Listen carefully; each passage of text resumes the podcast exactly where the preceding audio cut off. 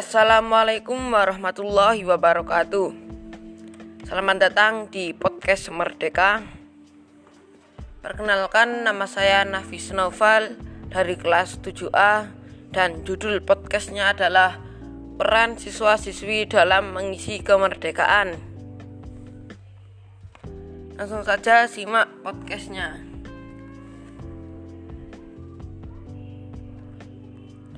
Cara generasi muda mengisi kemerdekaan adalah dengan melakukan kegiatan-kegiatan positif yang bermanfaat, baik untuk diri kita juga orang lain. Saya yakin para pelajar tahu mana yang baik dan mana yang buruk. Cuma rasa malas yang saat ini hinggap di pikiranmu mengalahkan jiwa patriot yang seharusnya kamu pupuk sampai akhir hayat. Kemarin adalah Hari Kemerdekaan Indonesia.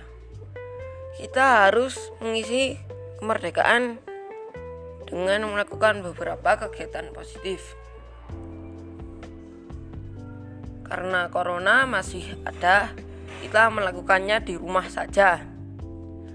Berikut ini contoh kegiatan yang bisa dilakukan untuk mengisi kemerdekaan di rumah saja. Pertama, sadar untuk mengerjakan pekerjaan rumah. Mengepel, menyuci, menyapu, dan lain-lain.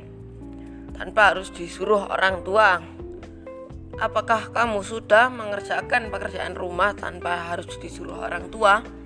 Kalau belum, segera lakukan itu. Kedua, memanfaatkan waktu luang di rumah untuk belajar dan kegiatan positif lainnya. Jika waktu luang kamu itu banyak sekali, bisa kamu manfaatkan untuk belajar dan kegiatan positif lainnya. Ketiga, menjaga hubungan dengan tetangga. Jika hubunganmu dengan tetangga itu sangat erat, maka hidupmu sangat tentram dan damai. Cara menjaga hubungan dengan tetangga adalah silaturahmi. Oke, langsung saja kita masuk ke intinya. Peran siswa-siswi dalam mengisi kemerdekaan adalah dengan belajar dan patuh kepada orang tua. Sebagai pelajar belajar sebagai pelajar yang baik kita harus disiplin belajar. Belajar memiliki banyak manfaat yaitu dapat membuat kita menjadi pintar dan bisa mengasah otak kita. Patuh kepada orang tua itu hal yang harus kita lakukan. Agar kita bisa sukses kita harus patuh kepada orang tua.